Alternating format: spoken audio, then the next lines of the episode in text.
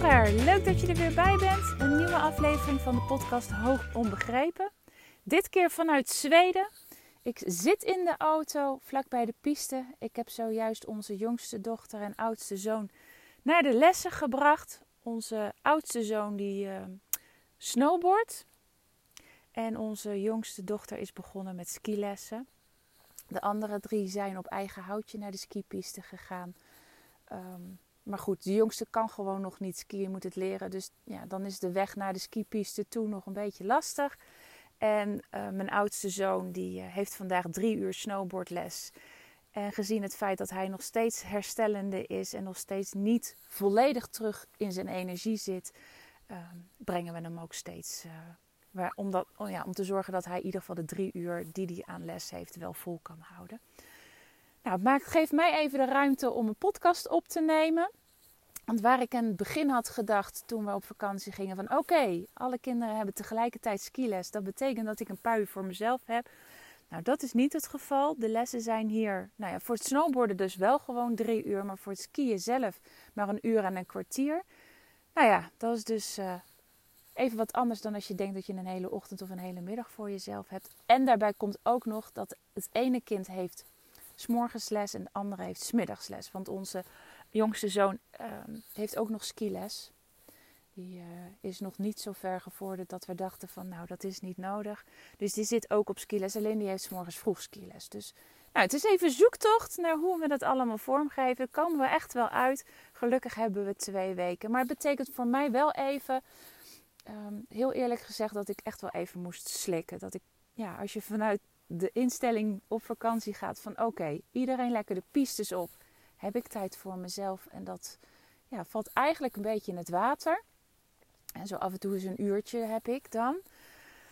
Maar um, ja, dat, dat vond ik even tegenvallen. Dus uh, ik ben uh, nog steeds veel aan het regelen en aan het zorgen. En uh, we proberen het eventjes gewoon goed met elkaar af te stemmen. Maar dat kost even tijd om het lekker vlot te laten lopen. Niet dat ik zielig ben, helemaal niet. Maar ehm, ja, ook ik uh, heb soms wel eens behoefte aan tijd voor mezelf en uh, ja, weer energie opdoen zonder dat, kind, er, zonder dat er kinderen om me heen zijn. Ik denk dat dat het gewoon is. Ik heb niet altijd zin in mijn kinderen om me heen. En ja, dat is natuurlijk wel de situatie die wij hebben wanneer wij, ja, doordat wij thuisonderwijs geven. En dan hoop je op zulke momenten, als je op skivakantie gaat, het te kunnen creëren. En nou, dat valt even een beetje tegen.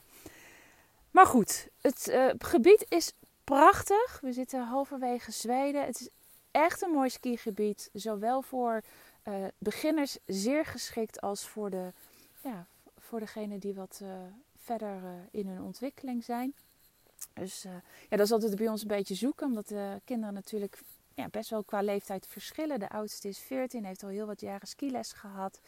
En de, ja, de jongste begint nu pas met skiles. Dus het is altijd een beetje zoeken naar voor wie uh, is het allemaal geschikt en zorgen we dat we iedereen wel zijn uitdaging heeft.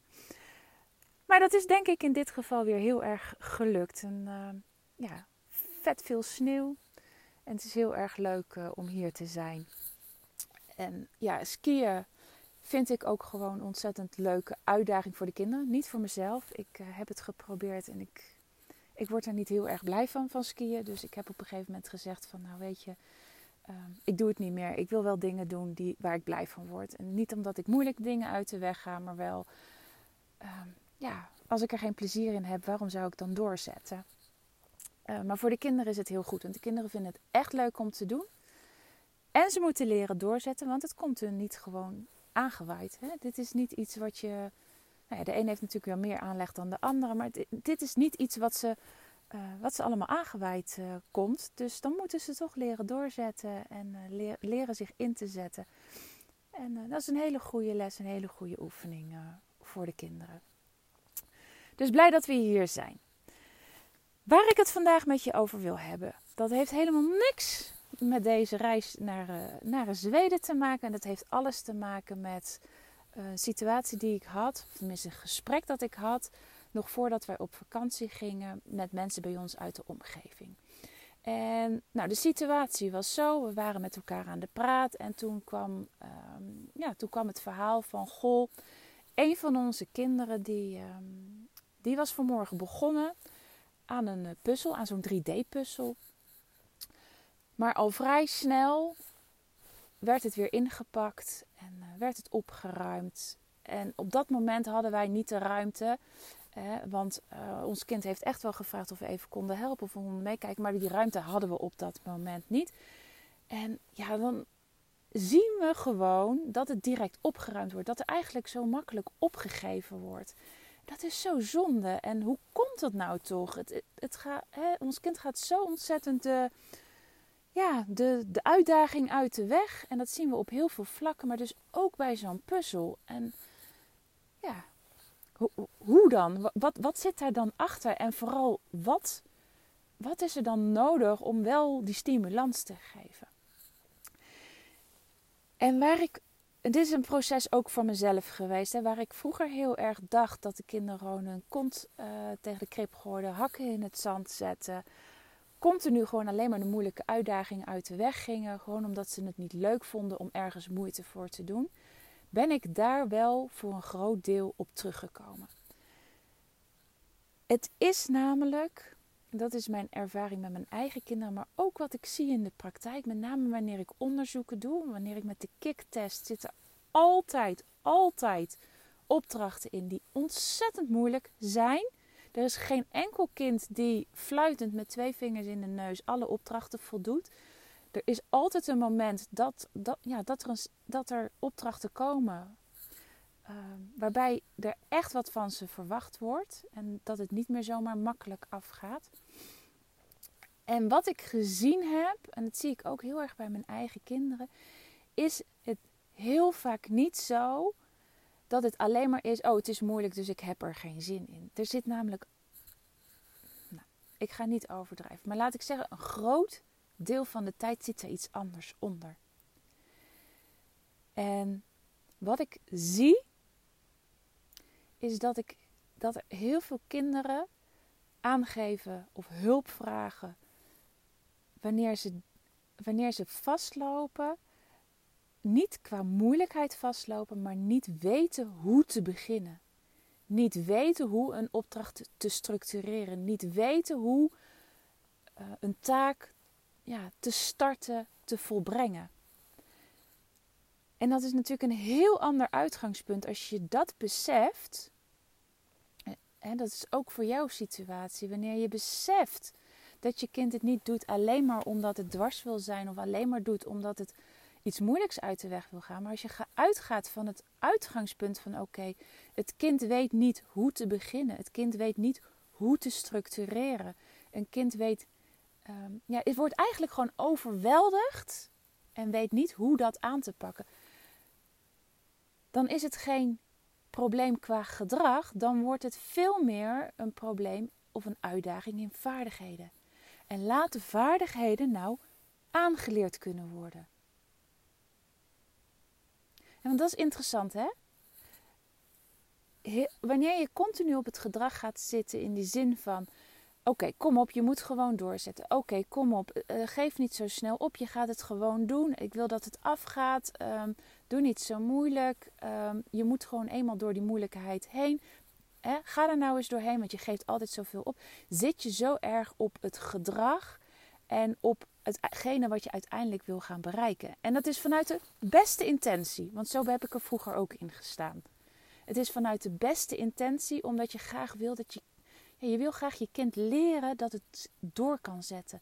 Dat het ook moeilijke dingen kan Um, omdat het dan een gevoel van trots geeft. Het geeft zelfvertrouwen. Dat is wat je uiteindelijk wil. Alleen daarop continu gaan zitten, gaat je kind niet stimuleren. Wat wel gaat stimuleren, is zodra je op vaardigheden gaat zitten. Zodra je kan gaan zien van oké, dit is niet gedrag. Dit is niet vermijdend omdat het niet iets moeilijks aan wil. Dit is niet weten hoe te beginnen. Dit is niet weten hoe dingen te structureren. Veel van deze kinderen worden gewoon overweldigd. Die hebben nog niet voldoende ervaring en daarmee dus ook nog niet voldoende vaardigheden opgebouwd om te weten hoe ze een uitdagende taak moeten starten. En ik zie dat heel veel in de praktijk bij het onderzoek gebeuren. Dat deze kinderen, zodra het moeilijk wordt, zodra ze maar denken van oké, dit is niet iets wat ik direct weet, gaan zeggen oké, dit kan ik niet, dit snap ik niet. En uh, naar mij gaan kijken. In de hoop dat ik het voor ze ga oplossen.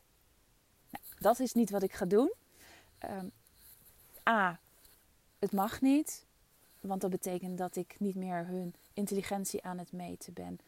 Um, sec van wat hun in potentie wat ze kunnen. Dus dat is sowieso een no-go. Dat doe, ik niet. Um, en aan de andere kant leer ik ze daar ook niks mee. Want bij de volgende moeilijke opdracht gaan ze weer naar mij zitten kijken. En weer naar mij zitten kijken. Op dat soort momenten hebben ze het veel meer nodig dat je ze helpt met het gevoel dat ze overweldigd worden. Met het gevoel dat ze niet weten waar ze moeten beginnen. Dat ze eigenlijk de vaardigheid nog niet hebben. En dat doorbreken, dat doe ik in ieder geval. Dit is mijn manier die ik met je ga delen. Mijn manier om dit te doorbreken is door open vragen te stellen. En open vragen zijn de wie, wat, waar, wanneer, hoe vragen. Niet de waarom vragen. Waarom vragen um, zijn vaak vragen waarmee je het kind in de verdediging uh, drukt. Moet je maar eens nagaan bij jezelf. Als iemand vraagt waarom, dan voel je je veel sneller aangevallen dan als je vraagt van wat is de reden. Um, nou ja, en in dit geval, wanneer je kind dus struggelt en, en het lastig vindt om zo'n uitdagende taak te doen, is het aan jou om open vragen te stellen. Dat wil ik je echt adviseren. Ga open vragen stellen. En dat kan zijn van: oké, waar loop je nu tegenaan? Wat maakt dat je het moeilijk vindt? Um, kan je mij vertellen um, waar je hulp bij zou willen hebben? Kan je mij um, vertellen uh, wat je al gedaan hebt, hoe je begonnen bent, hoe je denkt dat je kan gaan beginnen? Um, en, en dat soort vragen, daarmee stimuleer je dat kinderen zelf gaan nadenken. Want dat is wat je wil. Je wil graag dat ze zelf gaan nadenken. Want als ze het eenmaal kunnen aan de hand van jouw vragen en je oefent dat langere tijd, dan gaan ze het uiteindelijk ook zelf kunnen. Want die vragen kunnen ze uiteindelijk ook aan zichzelf gaan stellen. Maar dit is dus een vaardigheid die je een kind gaat bijbrengen. En wanneer je die, het kind dus helpt met structureren door middel van open vragen, ga je zien dat een kind niet direct gaat afhaken. Het zal het misschien niet direct weten, maar het wordt wel gestimuleerd om zelf te gaan nadenken. En daarmee ben je dus aan het bouwen, aan het bouwen van vaardigheden.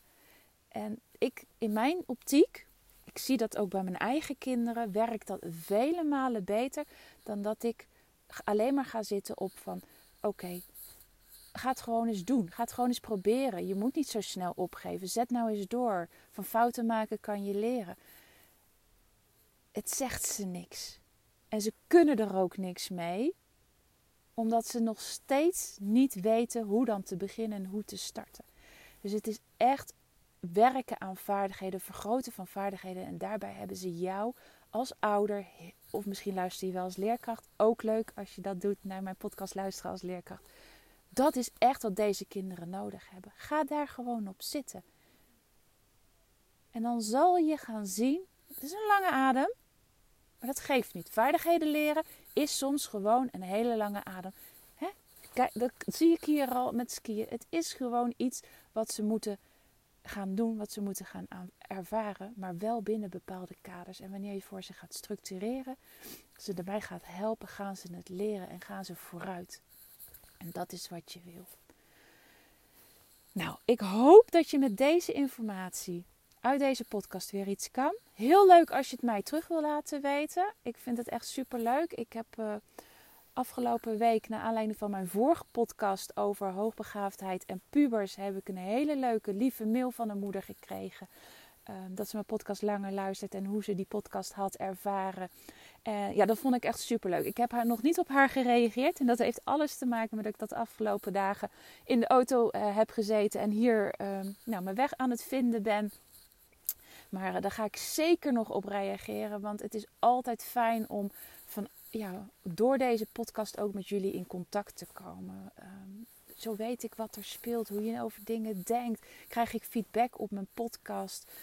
Uh, nou, dat, dat vind ik heel erg super fijn. Ik hou van die interactie. En uh, ja, nu ben ik uh, gewoon alleen maar een monoloog aan het houden. En dat geeft niet. Dat doe ik, eh, doe ik graag. Vind ik ook leuk om te doen. Maar als ik dan feedback uh, terugkrijg, ehm, ja, daar hou ik van en daar word ik heel blij van. Dus super leuk als je ook naar aanleiding van deze podcast uh, mij wil laten weten. Dat mag door middel van een DM via Instagram of je kan eventjes een mailtje sturen. maar wil laten weten, goh, wat, wat doet deze podcast met je? En als laatste wil ik je nog vragen. Ik zie dat steeds meer mensen het doen, maar ik blijf het herhalen. Zou je de podcast alsjeblieft willen beoordelen? Dat kan door in Spotify naar boven te scrollen en het aantal sterren aan te klikken die jij vindt dat deze podcast aan waarde biedt. Hoe hoger de beoordeling, dus betekent hoe meer sterren, um, hoe makkelijker de podcast ook voor andere ouders, uh, door andere ouders gevonden kan worden. Dus uh, als je dat voor mij wilt doen op het moment dat je dat nog niet gedaan hebt, hartstikke fijn en, en bedankt. Nou, dan ga ik afsluiten.